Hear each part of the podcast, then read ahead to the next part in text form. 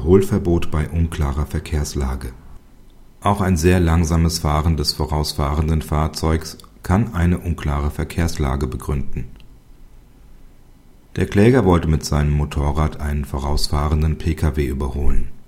Er fuhr hierbei mit einer Geschwindigkeit von mindestens 88 km/h.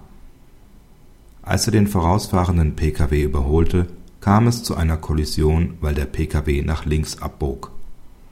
Es ließ sich nicht mehr klären, ob der Pkw-Fahrer rechtzeitig Blinkzeichen gegeben hatte. Fest stand jedenfalls, dass er gegen die doppelte Rückschaupflicht aus § 9 Absatz 1 StVO verstoßen hatte.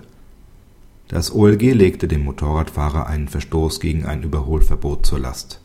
Aufgrund der Tatsache, dass der vorausfahrende Pkw besonders auffällig und über eine längere Zeit sehr langsam fuhr (etwa 18 km/h), ging das OLG davon aus, dass eine unklare Verkehrslage vorlag. Es verweist darauf, dass eine derartig niedrige Geschwindigkeit selbst von ungeübten Fahrern oder Spazierfahrern auf einer geraden und übersichtlich verlaufenden Straße mit einer zulässigen Geschwindigkeit von 100 km/h nicht gewählt werde. Von daher könne der nachfolgende Verkehr nicht davon ausgehen, dass alles seine Ordnung habe.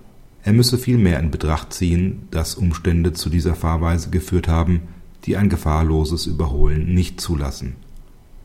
Praxishinweis Eine unklare Verkehrslage liegt dann vor, wenn der Überholende unter den konkreten Umständen mit einem ungefährlichen Überholvorgang nicht rechnen darf. Die Verkehrslage muss also unübersichtlich sein und ihre Entwicklung sich nach den objektiven Umständen nicht beurteilen lassen